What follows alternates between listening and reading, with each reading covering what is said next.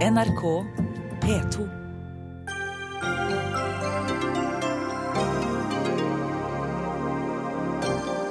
Stortingets kontrollkomité forlanger grundige svar fra justisministeren på behandlingen av mindreårige asylsøkere.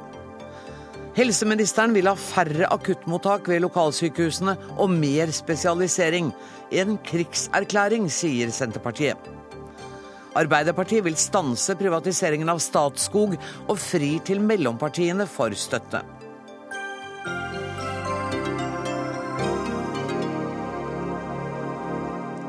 Dette er torsdagsutgaven av Dagsnytt 18, der vi også skal høre påstander om omfattende doping i russisk idrett. Men aller først skal jeg ønske velkommen en solid gjeng med mennesker. Eh, justisminister Anders Anundsen må redegjøre i saken om utsendelser av mindreårige asylsøkere. Det har kontroll- og konstitusjonskomiteen på Stortinget bestemt i ettermiddag. Saken handler om behandlingen av mindreårige asylsøkere og politiets manglende oppfølging av politiske signaler. Dette sa justisministeren til Stortinget. Dette er en situasjon som er svært uheldig, og jeg kan ikke gjøre annet enn å beklage. Politidirektoratet har, som underliggende etat, ikke fulgt opp den klare politikkendringen som ligger i tildelingsbrevet for 2014. Slike feil skal ikke forekomme. Martin Kolberg, leder av kontroll- og konstitusjonskomiteen. Dere var altså ikke fornøyd med den unnskyldningen, som er noe av det tydeligste jeg har hørt? Det var viktig at Anundsen, statsråden, beklaget på det tidspunktet. Og det tar vi til etterretning. Men allikevel så er det noen uoppklarte spørsmål som vi er nødt til å få svar på. Og som det var stor enighet om i komiteen i dag, med unntak for Fremskrittspartiet og Høyre, som mente at dette var et unødvendig brev. Men allikevel så var da dette brevet selvfølgelig sendt, og det er sendt allerede i ettermiddag. og det er først og fremst for å få vite om departementet på en måte kjente til denne manglende oppfølgingen. Det er det essensielle. Det har han ikke sagt noe om, og det syns vi at det er viktig at han svarer på. Og dessuten, denne politikkendringen som det er snakk om, om den kom klart nok til uttrykk i det tildelingsbrevet som da departementet har sendt til Politidirektoratet og eh, hvor, hvordan tildelingsbrevet da ble fulgt opp fra departementets side. Og denne garderingen, kan, hvordan kan dette ha skjedd, og hva skjer i tilfelle i framtida. Det er så essensielle spørsmål at det er ikke for å eh, drive noe politisk forfølgelse av statsråden på noe sett og vis, men dette må Stortinget vite i forlengelsen av den beklagelsen som statsråden kom med i Stortinget. Til NTB i ettermiddag sier du at uh, statsråden har forsikret Stortinget generelt og avtalepartnerne spesielt at politiske føringer i tråd med asylpolitikkens avtaler er kommunisert til politisystemet. Og så et sitat på deg. Han har sagt at han har sendt beskjeden videre, og at det er den som er regjeringens politikk. Så hvorfor har det ikke skjedd, og hvordan uh, har det kunnet skje at det ble slik, spør Kolberg. Og da spør jeg deg, Mistenker du at justisministeren har feilinformert Stortinget? Nei, jeg vil ikke gå så langt. Det er, å, det er, å, si for mye. Men jeg vil si at det er jo det som i tilfelle, med strek under i tilfelle, er denne sakens konstitusjonelle side, og som det er vårt ansvar å følge opp. Og vi vil få mer klarhet i det når da statsråden har svart på de spørsmålene som i dag er sendt uh, til ham, og som vi forventer raske svar på. Har du tillit til at det svaret dere da får, vil være tilstrekkelig, sånn at man uansett ikke kommer til å ha noen høring om denne saken? Ja, det får vi vente og se. Jeg vil ikke forskuttere verken på vegne av meg selv eller på vegne av komiteen hva vi vil gjøre videre, men at det var helt relevant å sende disse spørsmålene her, det er helt åpenbart. Dagsnytt 18 har invitert både justisminister Anders Anundsen og politidirektør Odd Reidar Humlegård, men ingen av dem kunne være med i dag. Vi har også invitert både Fremskrittspartiet og Høyre, men heller ikke noen derfra ville stille. Men Per Olaf Lundteigen, du sitter i komiteen for Senterpartiet. Hva er ditt syn på Nå hører vi at det har vært enighet i komiteen med unntak av Høyre og Fremskrittspartiet. Men hvordan mener du at justisministeren har håndtert denne saken? Justisministeren har jo beklaga det. Det er jo det sterkeste uttrykket en statsråd kan bruke på Stortingets talerstol. Så er jo da spørsmålet hvordan i all verden kunne dette skje? Det er jo en av de mest kontroversielle sakene som har vært i Stortinget det siste året. Og det har jo vært behandla en rekke ganger. Jeg sitter her med referatet fra stortingsbehandlinga den 10. juni i år, mm. hvor statsråden sier det at eh, forskriftene skal være på plass eh, allerede 1.7, sannsynligvis, sier statsråden. Og så viser det seg at verken forskrifter er på plass, eller at den praksisen som Politidirektoratet fulgte tidligere, er blitt endra. Som kan jo lure her på i all verden hvordan kan det her skje? Det er kjernen i det som kontrollkomiteen nå ønsker å få klarhet i. Det var det vi også gjerne skulle spurt politidirektøren om, men vi fikk altså ikke anledning til det. Geir Toskedal, du er innvandringspolitisk talsmann for Kristelig Folkeparti. Dere ja. må jo føle dere virkelig litt eh, vet ikke jeg, snytt eller lurt eller i, i en sånn sak som var en del av avtalen med regjeringen? Vi har venta i ett år på en avtale som ble inngått, en intensjonsavtale som skulle føre til at vi fikk nye forskrifter og en ny praksis. Eh, forskriftene har de ennå ikke greid å levere til oss i henhold til avtalen. Eh, det gjør oss veldig urolige, og vi presser på, for det er det som er saken for oss. Og så har den justissiden som kom opp nå, og Den forverrer jo situasjonen. Eh, selv om ministeren kan ha hatt, eh, gjort ting rett sett fra sitt ståsted, så er konsekvensene at vi sitter uten en avtale som er blitt lova, og som vi fremdeles venter på, som statsministeren ble spurt flere ganger om i går i spørretimen. Det er vårt fokus, det er vår sak, å få den på plass. Der, I løpet av 14 dager? Ja, det må være maksimum fordi at nå, nå, Dette er en alvorlig situasjon. Det står mennesker i enden av disse avtalene av det vi holder på med. som det, Dette berører barn. og, og eh, så Selv om vi støtter Høyre og Fremskrittspartiet i en rekke av de sakene som nå kommer, som er en nyttig endring av innvandrings- og asylpolitikk, så er det et lite felt og noen få mennesker vi her snakker om. Og det var det avtale på plass for ett år siden, og vi har bare venta på forskriftene. Så dette er bare en, en på en måte en forverring av den ventesituasjonen som nå eh, begynner å toppe seg for oss. Men så vidt jeg forstår på tallene, så innebærer denne forverringen at det er 84 eh, barn som er sendt ut. Og Da jeg hadde justisministeren i studiet forrige uke, så sa han at man kunne ikke si feilaktig sendt ut, for er, de har faktisk ikke rett til opphold. Men eh, de er sendt ut nå eh, med den, den instruksen som politiet da har feiltolket. Hva syns dere skal skje med de barna? Ja, nå er de jo, Det er jo det, er jo eh, det festlige oppi her er at Fremskrittspartiet og Høyre praktiserer altså rød-grønne forskrifter etter ett år fortsatt. Eh, hva som skal skje med dem, det kan jeg ikke ta stilling til i dag. Nå må vi få en utredning først i tur og orden hva som har skjedd, og den må komme fort. Det er den justispolitiske siden. Og så må vi få på bordet de nye forskriftene. Da kan vi uttale oss om den situasjonen. Kolberg, har dere gjort dere noen tanker om hva som bør skje med de barna, eller de mindreårige som er sendt ut nå i denne perioden? Nei, ikke i kontroll- og konstitusjonskomiteen, men jeg vil understreke, eh, understreke det som ble sagt her om eh, hvor viktig dette er med tanke på at det handler om faktiske mennesker som står i en vanskelig situasjon. Og uh, det er jo ikke min sak å kommentere det direkte, men det er jo riktig som det sies. Det har altså tatt et år før denne eventuelt nye forskriften er kommet, uh, blir satt i verk. Lundteigen, bør denne saken få konsekvenser for noen? Og jeg hørte at det var ledende spørsmål. Ja, altså, Hvor alvorlig er denne saken? Jo, Saken er jo så alvorlig altså at justisministeren som den eneste statsråd i den blå regjeringa har beklaga det som har skjedd på Stortinget.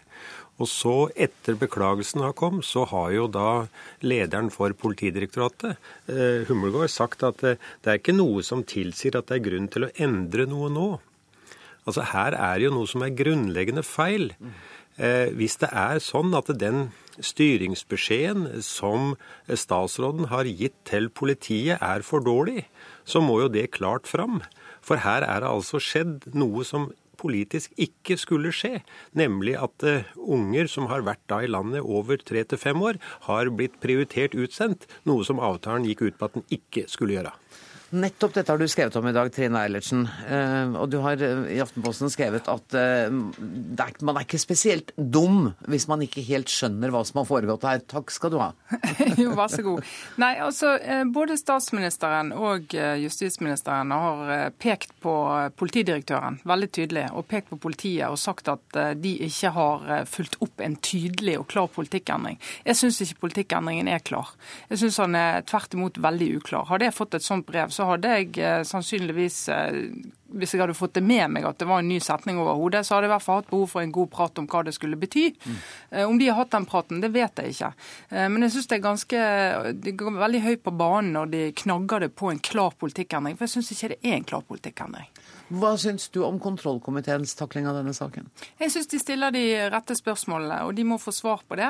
De må gå i dybden på hva politidirektøren mener han har fått for signal, hvor tydelig den beskjeden har vært. og han da, Hvis han har tatt imot denne beskjeden, hvordan den har vært fulgt opp, så vet vi at han ikke har sendt videre en, en utydelig beskjed til sine politimestre eh, på den måten som han da eventuelt skulle, og hvorfor har han ikke gjort det? Det er veldig veldig nysgjerrig på å høre. Og Når han da blir eh, karakterisert av statsministeren eh, som en dårlig leder, som er en veldig sterk karakteristikk av en av, en av de viktigste lederne til, under regjeringen, så syns jeg jo at det fortjener en, en oppklaring. Du skriver at hadde du vært Humlegård, så hadde du gått deg en lang tur? Jeg hadde gått med en lang tur i marka og lurt på om eh, min sjef hadde tillit til meg. Det hadde jeg gjort, for det, det virker det ikke sånn. Og Margrethe Austenå, jeg ringte deg tidligere i dag for å få hjelp til å forstå hele denne problemstillingen, og jeg må bare be deg igjen. Vet vi nå at det gjelder 84 mindreårige asylsøkere, eller er det tallet ikke helt sikkert? Altså Det vi vet er at det er 84 barn som har bodd i Norge i mer enn tre år. 41 eh, av dem har vært i Norge i mer enn fire år. Og tidligere praksis har vært at har du bodd fire og et halvt år, og ett av de årene har vært skolegang, så har du en tilknytning til Norge som tilsier at det skal vektlegges. Og som et grunnlag da for å gi opphold til lengeværende asylbarn. Så poenget nå er jo at Anundsen vet ikke. Han kan ikke si at det garanterer at det ikke er sendt ut barn som med en oppdatert vurdering før utsending faktisk ville hatt grunnlag for opphold. NOAS har nå inne saker til over 200 eh, familier. Eh, rundt 100 av disse er nå til behandling eller har blitt videre behandla i Utlendingsnemnda. Eh, av de som da er, vi har fått tilbakemeldinger på, så har altså over halvparten enten fått opphold eller fått utsatt iverksetting. Dvs. Si at UNE har funnet at det er informasjon i de sakene om disse barnas situasjon og disse barnas tilknytning til Norge som gjør at de enten gir dem opphold på stedet, eller de må utsette iverksettelse for å gå nærmere inn i disse sakene. Men da er det på humanitært grunnlag, bare sånn at vi sier ja, det? Fordi det, at asylgrunnlaget er da ikke ja, til stede? Altså Det Anundsen viser til, er at familiene, når de kom, så leverte de en søknad om beskyttelse. Mm. Altså familiens asylgrunnlag. Den ble vurdert, de fikk avslag. Så asylgrunnlaget er borte. Men så har familiene av ulike grunner blitt værende i landet. Og da opparbeider disse barna seg en tilknytning tilknytning til riket, som blir et selvstendig vurderingsgrunnlag. Og da bruker man en annen paragraf i utlendingsloven. Da er det ikke lenger asylparagrafen, da er det humanitærparagrafen som skal brukes.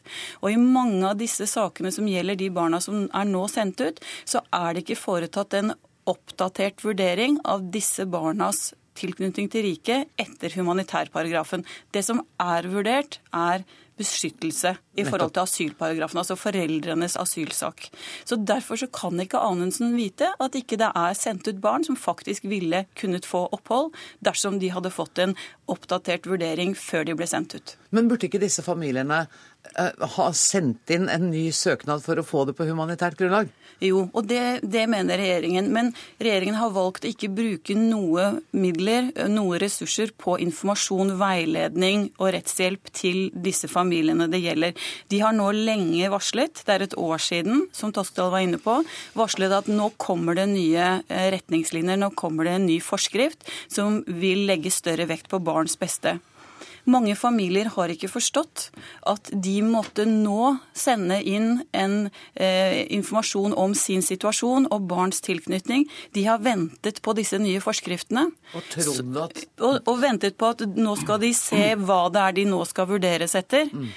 Men i stedet så har jo da utsendingene pågått, og har de ikke da liggende inne en sak hos UNE, så ser politiet ok, her er det ingen saker til behandling, de har fått et tidligere avslag, de er greie for utsending.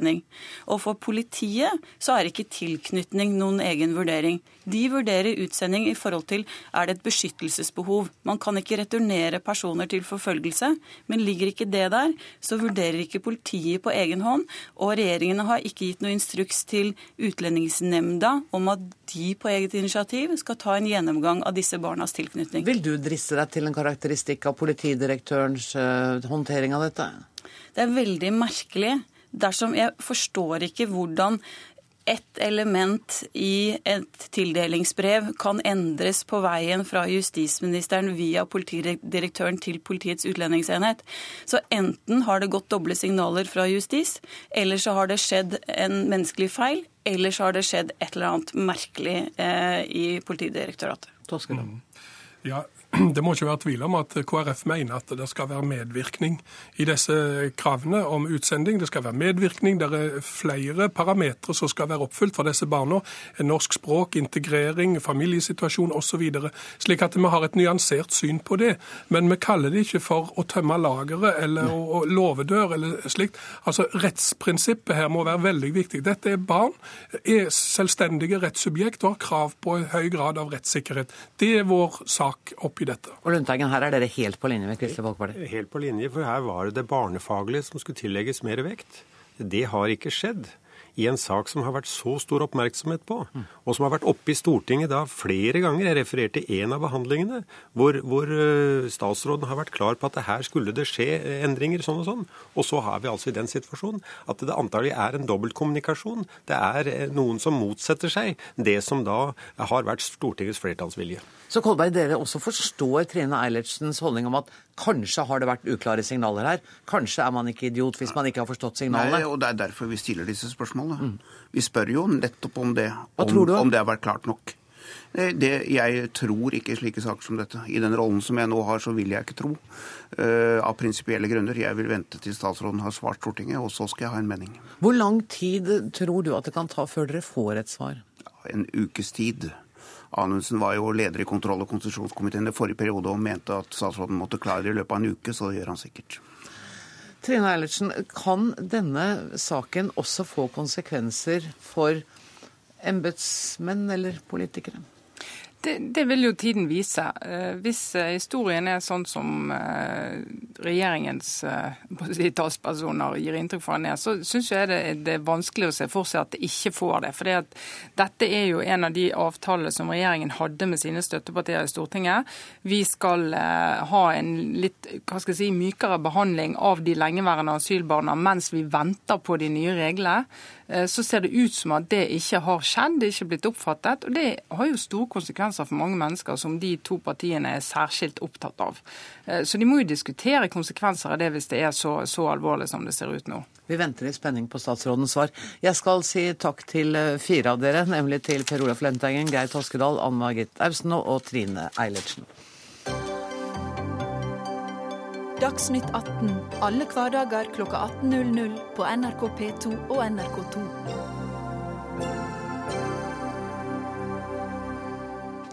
Jeg er glad for at du ble sittende, Martin Kolberg, for dere hadde flere saker oppe i kontroll- og konstitusjonskomiteen i dag, og en annen var minst like viktig, nemlig VimpelCom-saken, altså Telenors rolle i VimpelComs kjøp av mobillisenser i Usbekistan. Hva, hva, hvordan har dere behandlet den saken i dag? Ja, Den har vært gjennomgått på nytt, eh, og eh, med bakgrunn da i statsrådens svar. Og eh, det er da enstemmighet i komiteen om at det må åpnes sak, som det heter. Og det betyr at det vil bli åpen høring i denne saken. Vi skal på førstkommende tirsdag diskutere du kan si grunnlaget for saken, altså hva skal komiteen konsentrere seg om, hvem som skal eh, inviteres til å komme, og tidspunktet. Det gjenstår. Men det prinsipielle om at det skal være åpen høring, det er nå vedtatt. Fordi her var det, så vidt jeg husker, noe om at statsråden ikke fikk alle opplysninger. Ja, altså det, som, det, som er, det som er det veldig spesielle med statsrådens brev, det er at det er en lang argumentasjon som uh, på sett og vis, uh, direkte og indirekte, uh, gir Telenor-ledelsen tillit. Men avslutter med å si at hun ikke kan garantere at korrupsjon ikke har funnet sted. Og det er en, er en, setning som Stortinget ikke kan leve med når det gjelder et uh, selskap som er, hvor staten er majoritetseier. Dette må vi skape klarhet i, og vi må skape klarhet i selvfølgelig hva har departementet gjort i sin kommunikasjon med uh, Telenor over tid. Mm. Fordi det fremkommer jo uh, gradvis iallfall at så har funnet sted. Og der må vi få vite nøyaktig hva har vært departementets posisjon, hva har de sagt, når de har fått vite om at Telenors folk, eh, deler av deres direktørmiljø, var under ikke etterforskning, men var altså vitner. Og var innkalt som vitner, og det var gjort beslag. Dette kom jo ikke til Stortinget på annen måte enn gjennom mediene. Og det er jo også en sak som det er grunn til å stille spørsmål om hvorfor det var slik. Og det har vel også kommet fram at statsråden ikke fikk alle tilgjengelige informasjoner fordi man påberopte seg taushetsplikt? Ja, det, er, det, der blir helt åpenbart et, et, diskusjonspunkt, som det heter. Eh, fordi at det er jo ikke slik at Stortinget skal gå på tvers av det som er lover og regler. Og her har du også bestemmelser i aksjeloven som jeg har respekt for. Men aksjeloven bestemmer ikke at det er lov til å gjemme seg bak en slik bestemmelse hvis det har foregått ulovligheter. Nettopp. Hvis Fordi, man har mistanke om ulovligheter, så gjelder ikke, ikke den taushetsplikten. Det er ikke snakk om at det kan gjelde. At du ikke Du kan si nei, jeg har taushetsplikt, så jeg har ikke lov til å fortelle om at det har foregått en ulovlighet. Mm. Altså brudd både på internasjonal og norsk lov, i tilfelle med strek under. Og dette kommer ikke Stortinget til å, å akseptere, selvfølgelig. Og, og høringen kommer til å også omfatte dette. Eh, kommer både Telenor-direktøren og styreleder i Telenor til å bli innkalt til denne høring? Ja, nå skal de, dette drøftes på tirsdag, og okay. jeg skal være litt ordentlig på det. fordi at uh, Som komiteens leder så vil jeg ikke forskuttere det. Men det som er helt opplagt, selvfølgelig, det er tidligere statsråder. Mm.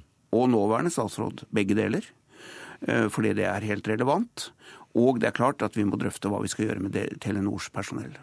Hvordan har eh, holdningen i komiteen vært i behandlingen av denne saken? I den forrige saken vi snakket om, så sa du at det var enighet bortsett fra Høyre og Fremskrittspartiet. Hvordan har skillelinjene gått her? Nei, det er jo diskusjon eh, rundt det, men dette er en enstemmig beslutning. Det er en enstemmig beslutning? Dette er en enstemmig beslutning. Når kan vi vente oss denne høringen? Jeg skjønner at du ikke kan gi meg dato, men et slags tidsperspektiv? Nei, det er, altså det er, dette har litt andre perspektiver i seg, og som er veldig sånn eh, jordnære, nemlig hvor mye rekker vi i Stortinget før jul, tatt i betraktning alle andre ting.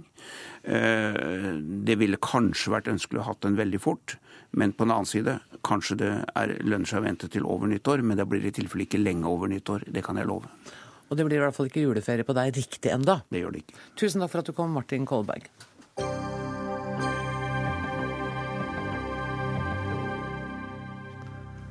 Færre akuttmottak ved lokalsykehusene og kirurgisk spesialisering må samles i de store sykehusene. Det var blant endringene som helseminister Bent Høie skisserte da han i dag gjorde opp helsepolitisk status, og pekte på utfordringene fremover. Helseminister Bent Høie, velkommen. Jeg så også en kåring hvor du nå var kåret til den mektigste mannen innen helsefeltet. Føltes det godt? Jeg mener at det følger med rollen eh, og ikke personen. Og jeg er glad for at eh, jeg er veldig enig med overskriften i Dagens Medisin, nemlig at eh, vi har nå tatt eh, helsemakten tilbake til politikken, og det mener jeg òg er riktig. Og så er jeg ikke helt enig i den intro, introen du hadde. Ok, korriger. Eh, for det som jeg presenterte i dag, er resultatet av det arbeidet som vi nå jobber med når det gjelder Nasjonal helse- og sykehusplan. Og der, er, der den ene av våre ekspertgrupper har sagt at det valget som vi står overfor, det er om vi skal ha Hvis vi skal ha desentralisert sykehusstruktur i dag, som er god faglighet, så må vi differensiere akuttmottakene, der vi har, kan beholde desentraliserte akuttmottak som i dag. Men det betyr at vi må differensiere sånn at noen akuttmottak blir basert på indremedisin, og kanskje da den nye spesialiteten i mottaksmedisin, som nå er det utredning. Mens eh, de større akuttmottakene kan ha både indremedisin og kirurgi. Eh, og Derfor er det viktig for meg å si at det er fullt ut mulig å opprettholde en god desentralisert sykehusstruktur i Norge med akuttmottak òg i framtiden. Men det vil kreve en diskusjon om òg det faglige innholdet. Ja, for det, Sånn som det er i dag, så vidt jeg har forstått, så har akuttmottakene kirurgisk kompetanse.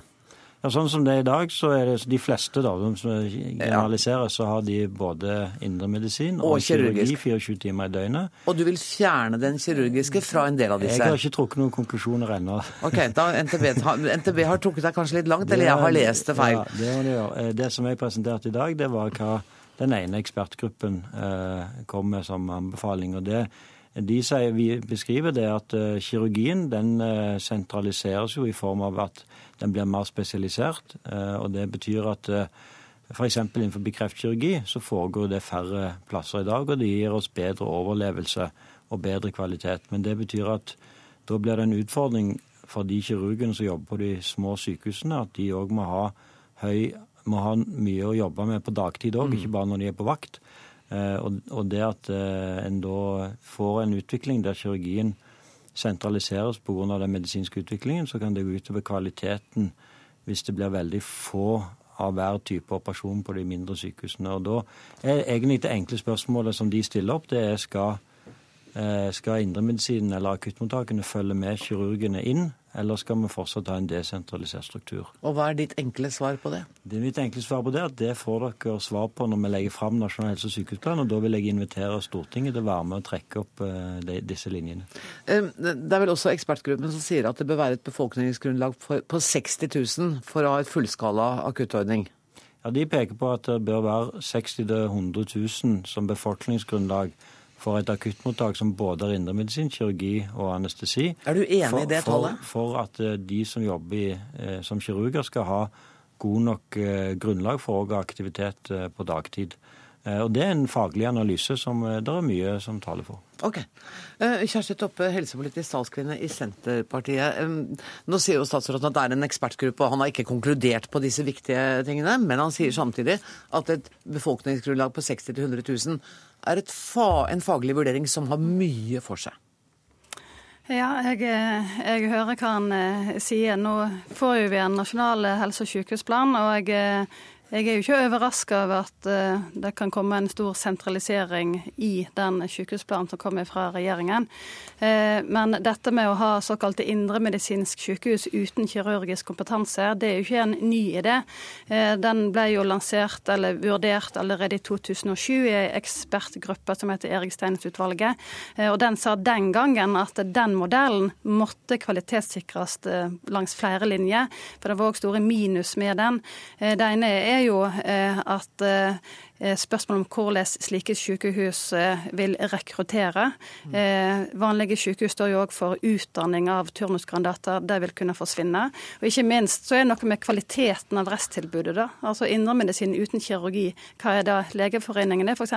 veldig imot dette og mener at basiskompetansen ved alle sykehus, om en skal ha akuttfunksjoner, må være begge deler. Altså både indremedisin og anestesi, og røntgen og laboratorium. Det var litt for mange elementer for meg, men jeg, jeg hang meg opp i det du sa med at turnuskandidater kan forsvinne. Kan ikke du bare forklare meg logikken i hvorfor Oi, der fant mikrofonen til Else.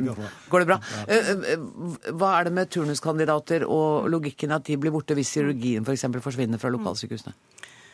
Eh, det, lokalsykehus er jo viktige utdanningsinstitusjoner, har vært det historisk sett. Eh, det er der de har turnustjenesta si. Eh, hvis ikke det er en kirurgisk akuttfunksjon ved et lokalsykehus, så kan du heller ikke avtjene kirurgisk turnustjeneste der. Men kan du ikke gjøre det på et større sykehus, da?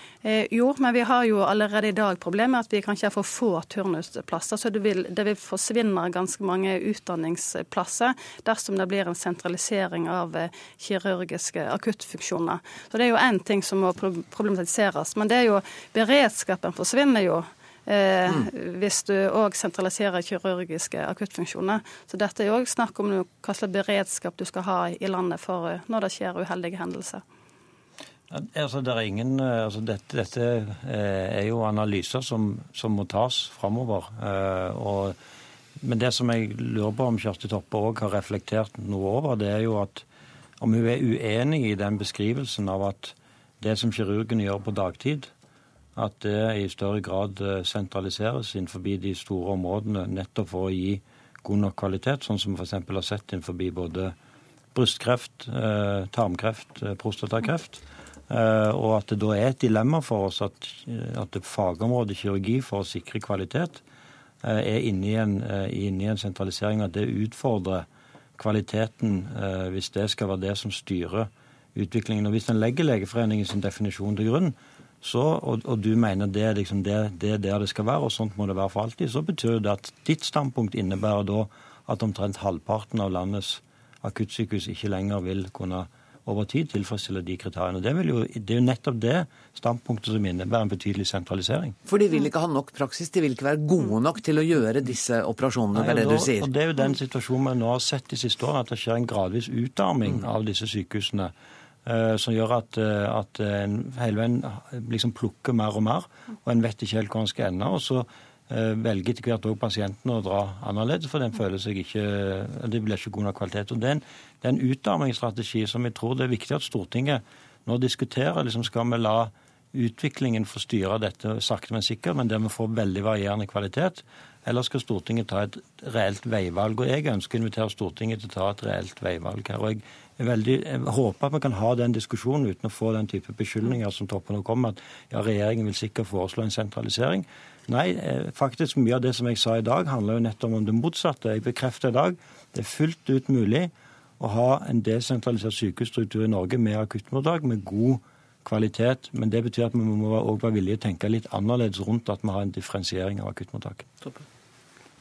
Dette blir jo å snu diskusjonen litt på hodet. For det at den utarmingen vi har sett eh, på sykehus, og det at en eh, plukker enkelte tjenester, det er jo noe som er politisk skapt. Eh, Dagens Medisin sa jo, har jo kåret deg til den, den mektigste i Helse-Norge. Så klart at ansvaret sitter jo der. Men hvis jeg kan få, men hvis jeg kan få men Kan jeg bare få spørre om noe i den forbindelse? For handler ikke dette også litt om det frie sykehusvalg?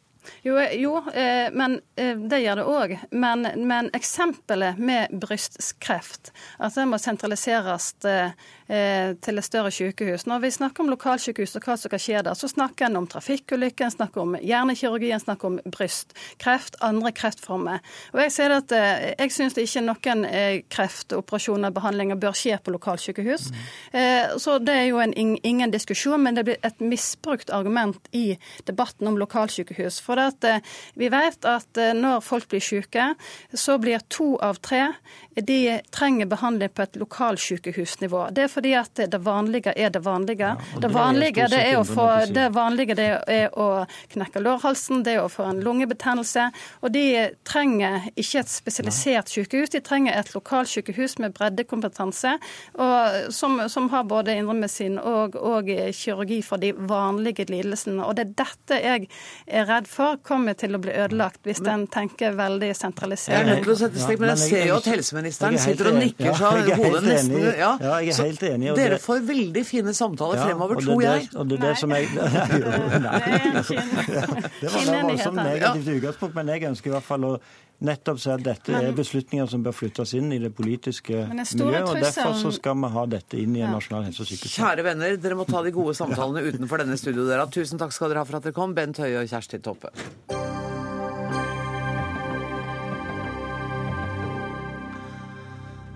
I dag har utenriksminister Børge Brende deltatt på et internasjonalt møte hvor Afghanistans president la fram sin plan for landets framtid. Fra årsskiftet skal landet selv ha ansvaret for egen sikkerhet, men Nato-landene skal likevel fortsatt bidra, både med soldater og med penger. Og Storbritannia-korrespondent Espen Aas, du har fulgt dette møtet i London. Kan du si litt mer om hva de kom fram til i dag? Kort fortalt så har jo eh, Afghanistans eh, president og Afghanistan fått det de absolutt må ha, og det de absolutt trenger. Nemlig denne forsikringen om at selv om vi har trukket oss ut mer eller mindre militært, så kommer vi til å stå ved. Vi kommer til å eh, støtte dere økonomisk. Og denne tiårsplanen da, som Afghanistan har lagt frem for sin egen fremtid, er jo veldig, veldig avhengig av å få hjelp. Det er ikke slik at eh, Afghanistan har blitt et, eh, si, et veldig attraktivt sted for investering fra utenlandske selskaper osv., med en eh, sikkerhetssituasjon som blir forverret, om ikke daglig, så i hvert fall ukentlig med angrep fra Taliban osv. Men det er et klapp på skuldra fra John Kerry, fra David Cameron, fra Børge Brende og andre med forsikring om at vi står ved det vi har sagt. Norge skal altså bidra med 750 millioner kroner. Vet du hva disse pengene skal brukes på? Ja, Dette er jo da 750 millioner hvert år frem til og med 2017. Og Det skal være da rett og slett penger til såkalt stabilitet ja. og utvikling, som det heter på Utenriksdepartementets uh, språk. Men uh, altså uh, å tilrettelegge for denne planen som Afghanistans regjering sier den har for årene fremover. Men igjen, hva slags stabilitet, hva slags tilrettelegging er egentlig mulig? Espen, vi har litt uh, dårlig linje til deg, så jeg tror jeg sier tusen takk til deg så langt. Og så snakker jeg med Anders Sømme Hammer.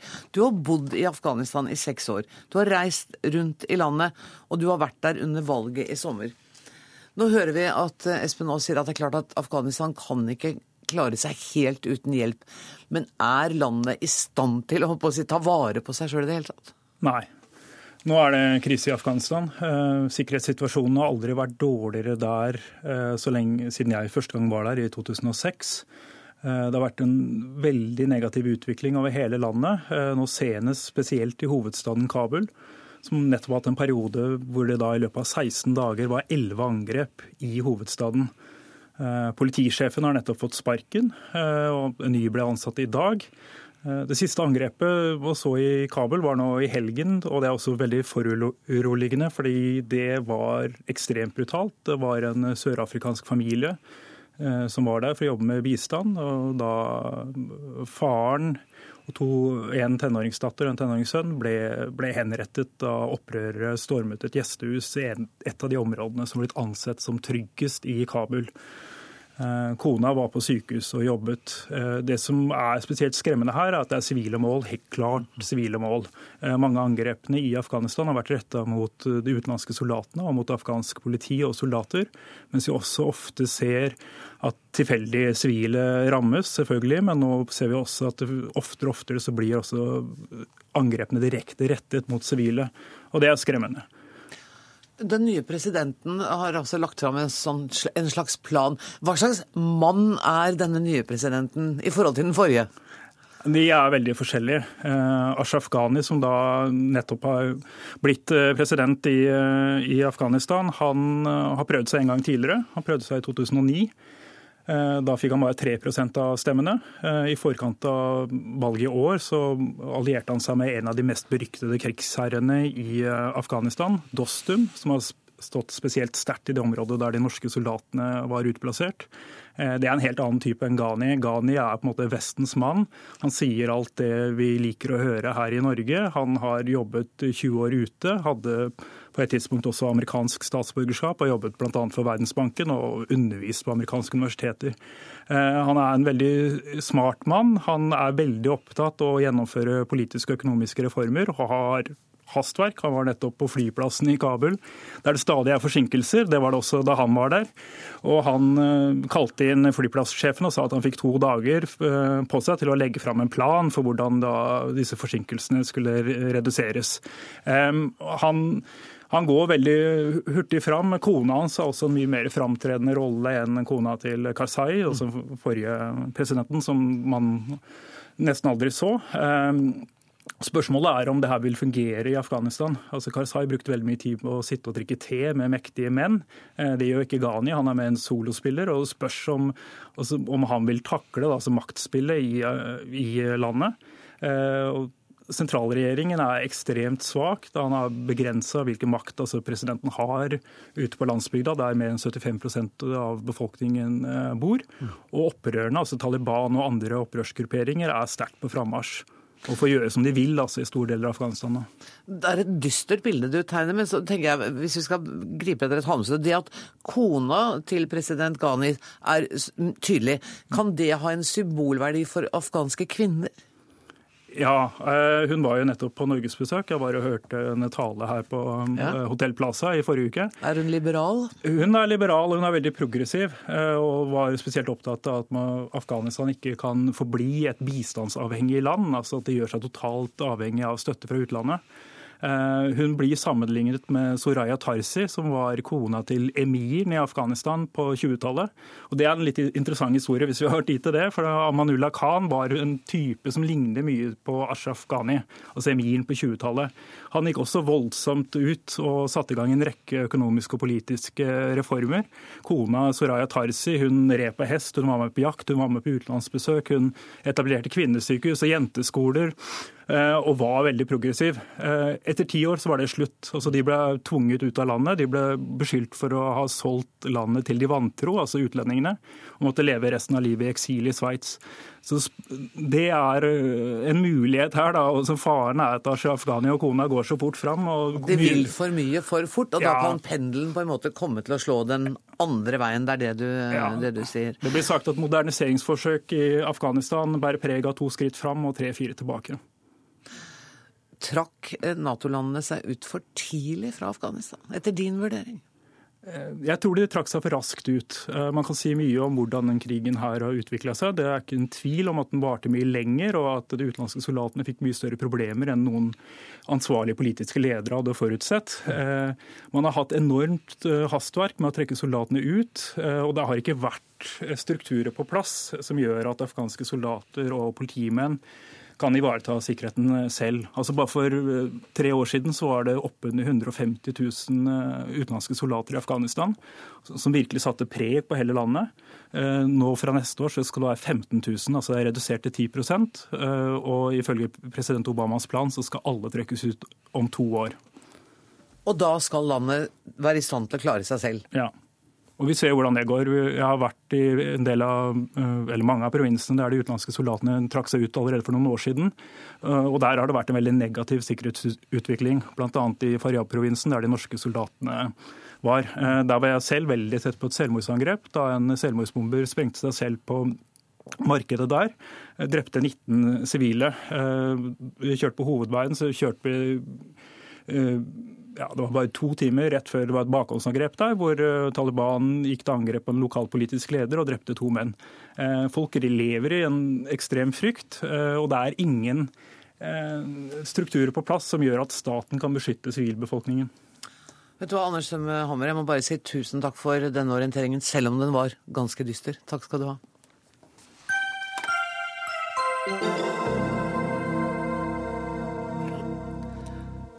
Det russiske antidopingbyrået ler av påstandene om korrupsjon. En ny dokumentarfilm eh, laget av det tyske selskapet ARD hevder at så å si alle idrettsutøvere i Russland er dopet. Norske myndigheter har brukt halvannen million kroner på å bygge opp det russiske antidopingbyrået Rusada. Nå kommer altså anklagene om omfattende korrupsjon i organisasjonen. Rune Andersen, du er spesialrådgiver i Antidoping Norge og tidligere direktør i WADA, som er den internasjonale organisasjonen. Hva er din reaksjon på disse påstandene? Nei, Nå må vi først få fakta på bordet. Fordi dette er en reportasje i, i en tysk TV-kanal som man skal ta meget alvorlig. Og vi tar det alvorlig. WADA tar det alvorlig.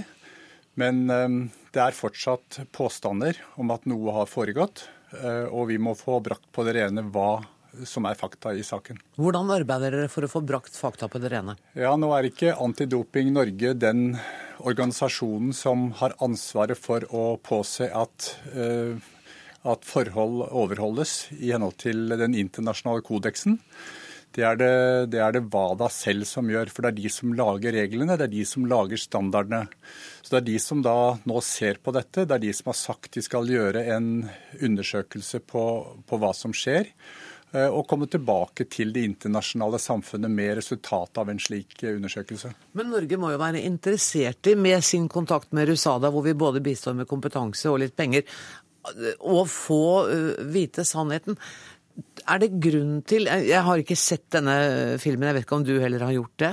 Eh, denne Jeg har ARD-filmen? ikke fått sett den ennå, men jeg har sett eh, avisartikler som eh, har referert til denne reportasjen. For det Mitt spørsmål var liksom, hvor troverdig framstår de utøverne som, som er med i den filmen? Kan du si noe om det? Nei, det tror jeg ikke. Spesielt fordi jeg ikke har sett den. Det er umulig å si. Men det er ikke grunn til å, å legge skjul på at det de sier, fordi de selv har brukt doping, må man kunne si stemmer. Eh, Det er ingen grunn til å tro at de skulle legge korta på bordet hvis ikke de har gjort noe som er galt. Men fra å, å ta doping selv til å si at et helt system er eh, korrupt, det er jo et langt steg, og det er det WADA nå må, må se på. For du kan vel heller ikke være sjokkert om det skulle vise at det foregår doping i det russiske idrettsmiljøet? Nei, Nå har vi fulgt dette ganske tett. Um, og, og Antidoping Norges rolle har vært å eh, teknisk bistå russerne med å bygge opp et system. Husk på at dette var langt nede under sovjettiden. Mm. Det ser russerne selv, og det innrømmer de. Eh, Vi var med å bygge opp et uavhengig organ som de nå har på plass. Eh, Og det er spesielle tekniske ting som skal på plass. Dopingkontroll, medisinske fritak, utøverinformasjon osv. osv. Mange mange tekniske ting som må på plass. Det har vi hjulpet til med. Så det er på plass. Men korrupsjon, hvorvidt man kan stole på alle ledd i en organisasjon, det har ikke vi gått inn på. Og det har vi heller ingen ressurser og muligheter og kompetanse til å, å gå inn på. Nei, dere er ikke korrupsjonsjegere i den forstand. Nettopp. Um, Esten Osæter, du, du må be deg ta på deg hodetelefonen. Vi skal ha med oss Esten Osæter, han er på telefon. Og du er sportskommentator i Dagbladet. Um, hva er din reaksjon på påstanden om korrupsjon i Rusada? Ja, eh, jeg syns jo som, eh, som Rune at det er avgjørende at eh, ting blir, blir ettergått.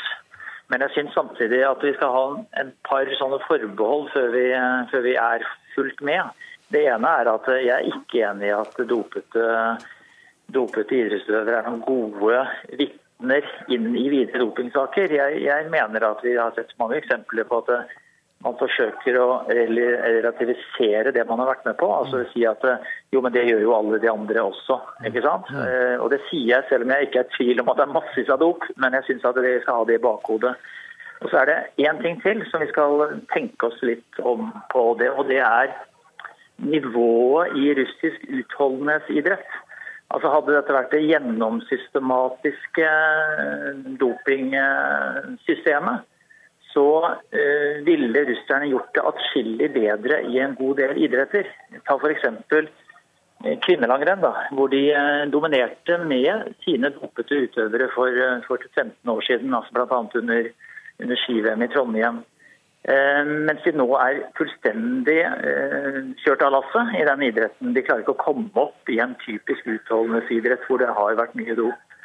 Og Det syns jeg forteller at, eh, at det ikke er systematisk dop, men at det er helt sikkert enkelte idrettsgrener hvor, hvor dette her er eh, svært utbredt i, i Russland. Og det har vel vært snakk om i dette tyske programmet at det har vært særlig knytta til enkelte grener innen friidretten? Ja, for det hadde vi jo, det hadde vi jo kappgangskandalen for noen år siden, ikke sant? hvor nesten det hele russiske landslaget ble tatt. Det var vel i forkant av eh, Beijing-OL. Eh, Så, så jo, absolutt. Og Russland er et veldig stort, eh, veldig stort land med store, store, stor grad av uavhengighet i mange treningsmiljøer. slik at man har aldri fått ordentlig bukt med, med dopingarbeid der. Men jeg syns likevel som sagt at eh, det går an å si at det som har skjedd de siste årene, er en, er en forbedring, om ikke annet i hvert fall. Rune Andersen, er du enig i det? Ja, absolutt. Og jeg tror det er viktig å understreke at den biten som vi i Antidoping Norge har bistått eh, Rusada med, har vært veldig suksessrik. De har bygget opp et system nå som fungerer. Eh, Hvis du ser på statistikkene, så er det faktisk et stort antall russiske utøvere som er tatt for doping. Og det må jo basere seg på at kontrollsystemet virker. Eh, At det finnes råtne egg både her og der, også i Russland, det er helt klart. Og, og som sagt så bærer de med seg den kofferten fra, fra de tidene hvor dette var mye mer utbredt. Jeg har den statistikken foran meg her, men det, det mest påfallende ved den er at tallene varierer så enormt. Ja, men det vil det nok gjøre i enhver antidopingorganisasjon. Okay. Dette er ikke stabilt. For det kommer litt an på hvorvidt man eh, treffer de rette utøverne til de rette tidene. Eh, Antidoping Norge har vel nulltoleranse for uh, doping. Hvordan skal dere få overbevist russerne om at uh, det må de også gjennomføre? Jeg tror ikke vi behøver å overbevise de om det. Vi har hatt møter med det russiske ministeriet, med ministeren. Vi har hatt møter med det russiske antidopingorganet, Rusada. Og de er fullstendig klar på at dette må de gjøre noe med. Det er ganske pinfullt sånn i første omgang. Men vi har sagt at hvis de står på nå, så vil de til slutt eh, kanskje komme ut av dette med, med æren i behold. Esten Osæter, dette, dette, har vi snakket om mange ganger i Dagsnytt 18, og du har skrevet masse om det. Er, er dette sånn at, at, at, du mister all tiltro og glede ved toppidrett uh, når det kommer sånne påstander som dette? her? Jeg, jeg, klarer ikke å gjøre det. Altså, ja, jeg er sikkert litt kynisk etter hvert, jeg som, som mange andre. Men, men, vi er nødt til å stå opp for det vi eh, regner med og, og godtar er rene utøvere. Bl.a. en god del av våre, av våre, egne, rett og slett. Altså, vi hadde jo en stor debatt for siste vinteren om, eh, om våre egne langrennsløpere som jeg er helt overbevist om er, er rene. Og de, eh, Da syns jeg at de miljøene skal vi ta vare på og heie fram. Og så får vi ta sakene altså dopingsakene, som, som, de kommer. Og Vi klarer ikke å ta alt, men, eh, men jeg tror at vi skal ta så mye at uh, tross alt så skal vi ha det moro med toppidrett framover også. Det er jeg helt sikker på at Rune Andersen er enig i? Ja, det, absolutt. Det er jo derfor vi er her. For å beskytte de rene utøverne. Tusen takk for at dere deltok i Dagsnytt 18 i dag, Rune Andersen og Esten O. Sæther. Hør Dagsnytt 18 når du vil. Radio NRK Radio.nrk.no. Og på slutten av denne sendinga skal vi snakke om skog. For Arbeiderpartiet vil unngå at deler av Statskog havner på private hender. Og de ber nå Kristelig Folkeparti og Venstre om å bli med og stanse planene. Regjeringen foreslår nemlig å privatisere deler av den offentlige grunnen. Statskog er en statlig grunneier som styrer en femdel av Norges areal. Arbeiderpartiets forslag kommer opp for Stortinget neste torsdag, og Knut Storberget, landbrukspolitisk talsperson for Arbeiderpartiet. Helt ærlig, Vi har vært i kontakt med Kristelig Folkeparti og Venstre i dag, og de har ikke bestemt seg. Hvilken mulighet tror du du har for å få det med deg? Jeg oppfatter Kristelig Folkeparti og, være, eh, og Venstre til å være veldig fornuftige i sånne spørsmål. Og dette handler jo om eh, evigvarende fornybare ressurser. Det handler om en femtedel av Norges areal. Altså Hedmark, Oppland, Vestfold, Østfold og litt til, hvis vi tenker i areal. Og så handler det om eh, skal vi selge det som lønner seg? For Norge og for fellesskapet. Og som lønner seg for alle de jegerne og fiskerne som eh, har mulighet til å få adgang til å drive bl.a. jakt og fiske, da, mm. låne hytter. Og ikke minst så handler det veldig mye om skal vi ha en motor for skogsdrift i Norge som viser at uh, dette er framtidsnæringa når vi en gang må trappe ned på uh, oljen og begynne å bruke mer av den bioøkonomiske fornybare ressursene. da bør det være litt på statlige hender, mener du? Da bør det absolutt være på statlige hender. og Den rød-grønne regjering sørget også for at Statskog ble større ved oppkjøp av bl.a. Uh, den såkalte Borregaardskogen. Og jeg syns at det er en særdeles dårlig tanke å selge arvesølvet nå og overlate det til store kommersielle interesser enten det er nasjonalt eller internasjonalt. Men det er jo ikke sikkert at det er store kommersielle interesser. for at, Hva heter det sånn aron... Arronderingssalg? Ja. Det er jo vi åpne for. Ja, og bare forklare hva det er. For det, er det handler jo egentlig om at man, man, ser at det er noen skogteiger som ikke egner seg å ha med i helheten, og som passer bedre for andre grunneiere. Det er vi åpne for. Ja. Men det at man nå eh, innleder en prosess, som statsråden har kalt det, med å be Statskog om å utrede en privatisering av skogsdriften, dvs. Si at man må, må selge dette, det vil jo være et så svært salg, hvis man skulle tenke hele eiendommen, mm. at det vil være unaturlig for oss å tenke at dette ikke ville være interesse også for internasjonale aktører. Og da mener jeg vi er i hvert fall på villspor hvis det er et slikt eierskap skulle flyttes utenlands. Men det kan også være nasjonale store kapitalinteresser. Gunnar Gundersen, landbrukspolitisk statsperson for Høyre. Jeg bør vel ikke spørre deg engang om du er uenig med, Nei, med Storberget her. det behøver du ikke. Um, Men, men han har vel et poeng i at de internasjonale kapitaleierne som kommer inn, vil ikke være spesielt interessert i å ivareta de norske interessene? Nei, men det er ikke det vi snakker om. Altså, Regjeringen har som utgangspunkt at vi ønsker at mesteparten av norsk næringsliv skal være i privat eierskap. Og det skal være en grunn for at staten skal eie ting, og det kan være grunn for at staten skal eie en del areal. Men, men vi bør spørre oss er staten en bedre forvalter. Er- Gjør staten det bedre enn private? Eller så er hovedregelen at det bør være privat eie.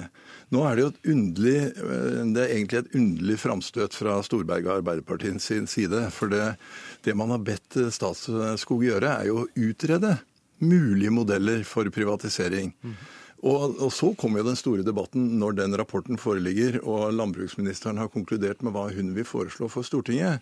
Så det er egentlig bare å stoppe at vi skal få innsikt i hva slags muligheter vi har for å forvalte eh, det statlige arealet. Så dere sitter bare og er litt bakstreverske i Arbeiderpartiet og tenker at alt må være akkurat som det er nå, så vi vil ikke ha noe utnevnt, vi vil ingenting? Du, jeg skal si deg en ting. Når det gjelder spørsmålet om hvem som skal eie en femtedel av Norge, og det store landarealet, da er vi bakstreverske i den forstand at der står vi på vårt. Vi Ja, men- mener, ja, men vent litt nå. Vi mener at det er veldig viktig at staten opprettholder eierskap til dette. Jeg stusser stadig over den blå-blå regjeringen som skal nærmest selge alt det som lønner seg, enten det er fisken vår, det er skogen i dette tilfellet, eller at det er ø, nyttige bedrifter som Norge bør eie. Og det er sånn at Skal vi starte den prosessen, bruke byråkrati og ressurser på å utrede dette, når vi er imot det? Men det Jeg mener at det er veldig viktig at det må vi stanse, eh, og vi kan stanse så tidlig som mulig. Og, og det er også sånn, bare for å føye til, Statskog har et veldig viktig samfunnsoppdrag ved siden av å være en stor nasjonal eier. Det er nemlig å sikre at allmennheten eh, har en mulighet for å få rimelig jakt og fiske rundt omkring i det ganske land. Og det er også en verdi som det private det- ikke ville kunne ta vare på da, på det- samme altså, grad. Det er ingenting som, det, det, nå kommer du med en påstand som ikke holder vann. De private tilbyr eh, massevis av jakt og fiske. Det er ikke noe som tyder på at det er noe dårligere tilgang med private. Det er Allmennheten har en generell tilgang til norsk utmark. Den er lovfestet, og det er ingen som snakker om. Men det virker, det virker, som, det virker som Arbeiderpartiet har en sånn forståelse av at Arbeiderpartiet kan selge ting. For de har faktisk gått inn og solgt de på samme måte som vi nå gjør. Men vi har bare økt arealet litt så foreløpig. Men altså, dette er snakk om en utredning. Og det kan dreie seg om at vi kommer med en konklusjon. Alt ifra at Statskog selges til naboer, til for å styrke eh, bønder og skogeiere rundt omkring i det ganske land, men det er- til at det, det er noen parseller som kan selges ut til større investorer. Når det gjelder utlendinger, så har jeg ingen tro på, og jeg, der er jeg helt enig, det er, det er eh, nesten utelukket at, Men- men at i kommer til å bli solgt til utlendinger. Rydde opp i dette. Allmennhetens adgang den vil fortsatt være der. Men det jeg snakker om, er jakt og fiske, og det ligger ikke i allmennhetsrettigheter. Nei men litt, litt, litt, men en, en, bare, bare en om gang, en gangen. Det er, det er nok en, en, en større mulighet for meg som politiker og Stortingets flertall å få gjennom at man skal sikre rimelig adgang for jakt og fiske på statlig grunn, enn det ville være om vi fikk privatisert dette. Da ville man jo måtte være avhengig av kanskje mye større inntekter for å få kapitalisert kjøpsummen, slik at si, det kommersielle vil bli mye viktigere. Og jakta i så måte vil det være mindre tilgjengelig for folk flest. Det er et veldig viktig argument. dyrere. Dyrere, med rene ord for pengene. Det- Det det- er all, all, all grunn til å tro. Men så har jeg lyst til å føye til. Det er jo noen andre, dimensjoner, det er noen andre dimensjoner i dette. Eh, Det framstilles nærmest som om Norge er et særsyn ved at vi eier såpass mye skog. Vi er av de land i Europa som eier minst skog når det gjelder statlig skog. Det jeg mener er enda viktigere for framtiden at vi har denne store motoren samla. Høyre snakker stadig om at man ønsker store skogeiendommer for å få mer ut av foredling av skog. Og så gjør man egentlig det motsatte her. Innleder en prosess som kan bidra til at private kommer inn. Enten er utlendinger eller, eller nordmenn. Og vårt spørsmål er hvorfor skal vi bruke byråkrati og ressurser på dette? Nå må Gunnarsen Fordi vi snakker om hvordan vi skal forvalte arealene, og hvis de private kan gjøre det like godt, som jeg tror de definitivt kan, så er det ingen grunn for at staten skal sitte og eie. Men så har vi at eh, Statskog har en masse fjellareal. Det er noe helt annet enn å ha skog. Så her kan det komme mange forskjellige typer løsninger. Men, men jeg vil, nei, men Knut, nå må jeg få lov til å gjøre meg ferdig. For jeg vil rett og slett imøtegå at Statskog stiller til, eh, til rådighet billig jakt. Jeg tror er- du ville finne masse eksempler på at private tilbyr jakt til gunstigere og lavere priser enn private. Problemet i norsk utmarksforvaltning i dag er jo at prisene generelt er så lave at det er liten grunn til å tilrettelegge. Hadde vi, eh, hadde vi, hatt en litt mer profesjonell forvaltning, og dette gjelder veldig mange eh, private som, som, eh, som nærmest gir jakta bort til jeger- og fiskeforeninger gratis. Men, Så den påstanden holder rett og slett ikke vann. Men, men, men her snakker en høyremann. Eh, altså Problemet i norsk utmarksforvaltning Stig Gundersen, er at prisene er så lave. Mm. Jeg mener at det er et gode at prisene er så lave. At flest mulig folk får adgang ut til å bl.a. drive jakt og fiske. Helt åpenbart en stor fordel. Og at, at Hvis problemet for, hvis problemet for Høyre er at disse prisene er for lave, så må jeg bare si at da må vi melde fra. Det er vi veldig uenig i. Vi skal jo skape aktivitet ute i Distrikts-Norge, og, og, der er tilrettelegging ganske viktig. Og da, da, du, da, skal ikke alt være gratis, Knut. Da må vi skape faktisk noen produkter som folk er villige villig til å betale for. Og det er ganske viktig for Distrikts-Norge. Jeg gleder meg til den stortingsdebatten her. Altså. trenger ikke å gjøre det dyrere. Og så er det jo sånn, tenk om vi hadde tenkt sånn med norsk olje på 70-tallet. Skulle vi bare solgt det fordi at private kunne gjøre det bedre? Jeg tror det har vært en veldig dårlig løsning. og Det er derfor vi ikke skal gå i den samme fella når det gjelder Statskog. Eh, Gundersen, du får fem sekunder. Ser dere for dere at eh, Statskog alt, alt skal privatiseres? Er det et mål for dere? Nei, absolutt ikke. Vi skal sitte og lytte til hva Statskog-styret nå kommer med, og så okay. er det en masse modeller vi kan se på. Dermed må jeg si takk til Knut Storberget og Gunnar Gundersen og bare fortelle dere helt til slutt at ansvarlig for Dagsnytt 18 i dag, det var Alf Hartken. Det tekniske ansvaret har eh, Marianne Myrhol. Jeg heter Anne Grosvold. Takk for nå.